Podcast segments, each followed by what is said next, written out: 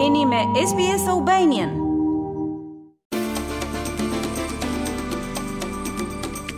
Qeveria federale thotë se Australia do ta shmangë recesionin nëse zbatohet plani i saj ekonomik. Kjo vjen pasi qeveria përballet me presion në lidhje me inflacionin dhe legjislacionin e saj për fondin e strehimit. Qeveria federale ka thënë se Australia do të jetë një nga ekonomitë e pakta kryesore në botë që do ta shmangë recesionin nëse ndiqet plani ekonomik i saj.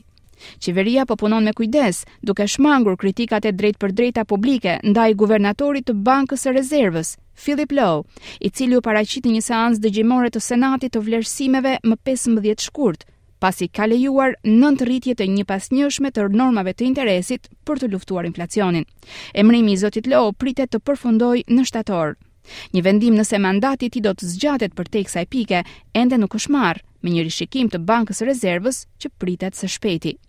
Ndihmësi i thesarit Stephen Jones thotë se guvernatori Lowe ka një punë të vështirë, por qeveria qëndron përkrah atyre që janë prekur nga rritja e fundit e normave të interesit. Our strategy is about complementing Uh, monetary policy, not aggravating it. Strategjia jonë ka të bëjë me plotësimin e politikës monetare dhe jo me përkeqësimin e saj. Rreziku për gabime është shumë i lartë dhe pasojat e gabimit janë po aq të larta. Ne jemi pa mëdyshje në anën e familjeve dhe të bizneseve të vogla, të cilat po kalojnë kohë të vështira. Besimi i konsumatorëve ka rënë në nivelin më të ulët për 3 vitet e fundit, pas rritjes së normës së interesit javën e kaluar. Indeksi javor i përpiluar nga ANZ Bank tregon se besimi i konsumatorit ka rënë në 78.1 pikë, pra 5.5 pikë më pak nga një javë më parë. Familjet po përgatiten për pagesa më të larta të hipotekave, pas rritjes së normës së interesit javën e kaluar dhe Banka e Rezervës ka treguar se pret edhe dy rritje të tjera relativisht shpejt. Opozita federale vazhdon ta akuzojë qeverinë se e ka përkeqësuar rritjen e normave të interesit nëpërmjet politikave të saj. Udhëheqësi i Senatit në opozitë, Simon Birmingham, thotë se qeveria duhet të shkurtojë shpenzimet për të parandaluar rritjen e mëtejshme të inflacionit. The pressure of inflation is real and needs to be fixed. The pressures on Australian households are real and need to be minimised. Presioni i inflacionit është real dhe duhet mbajtur nën kontroll. Presionet mbi familjet australiane janë reale dhe duhet të minimizohen, dhe kjo mund të ndodhë në rastin më të mirë nëse qeveria do ta frenojë shpenzimin e saj kudo që të mundet. Por kryeministri Anthony Albanese thotë se qeveria e tij ka trashëguar probleme nga ish-qeveria Morrison. We actually have a plan uh, to take pressure off inflation to therefore that's the way you take pressure Ne në fakt kemi një plan për të ulur presionin nga inflacioni dhe nëpërmjet kësaj të ulim edhe presionin nga normat e interesit. Dhe kemi gjithashtu plan që politika monetare të funksionojë së bashku me politikën fiskale, në mënyrë që të arrihet një rezultat i mirë. Albanezi thotë se opozita po pengon çdo zgjidhje lehtësimi të propozuar nga qeveria e tij. Qeveria federale është gjithashtu tani nën presion për të bërë ndryshime në legjislacionin për fondin e strehimit, në mënyrë që ai të kalojë në parlament.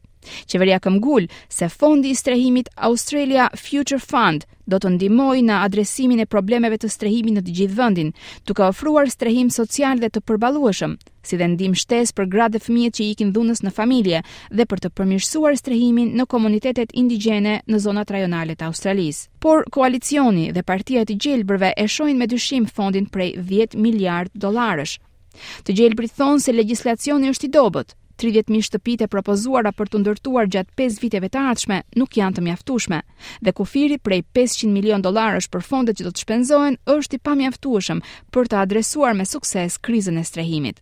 Partia e të gjelbërve thotë se duhet një minimum prej 5 miliard dollarësh në vit, por senatori i lartë i qeverisë Murray Watt e quan të gjelbërit hipokritë dhe thotë se ata duan të bllokojnë investimin më të madh në strehim dhe banesa që ka parë ndonjëherë vendi.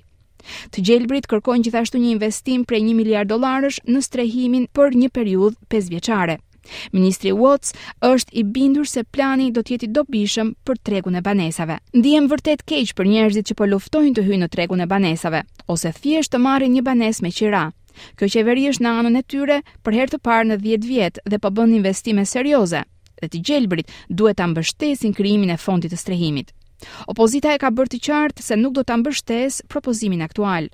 Zëvendësudhëheqësja liberale Sussan Ley beson se fondi nuk duhet të krijohet. I don't see the government demonstrating how it will immediately solve the housing crisis.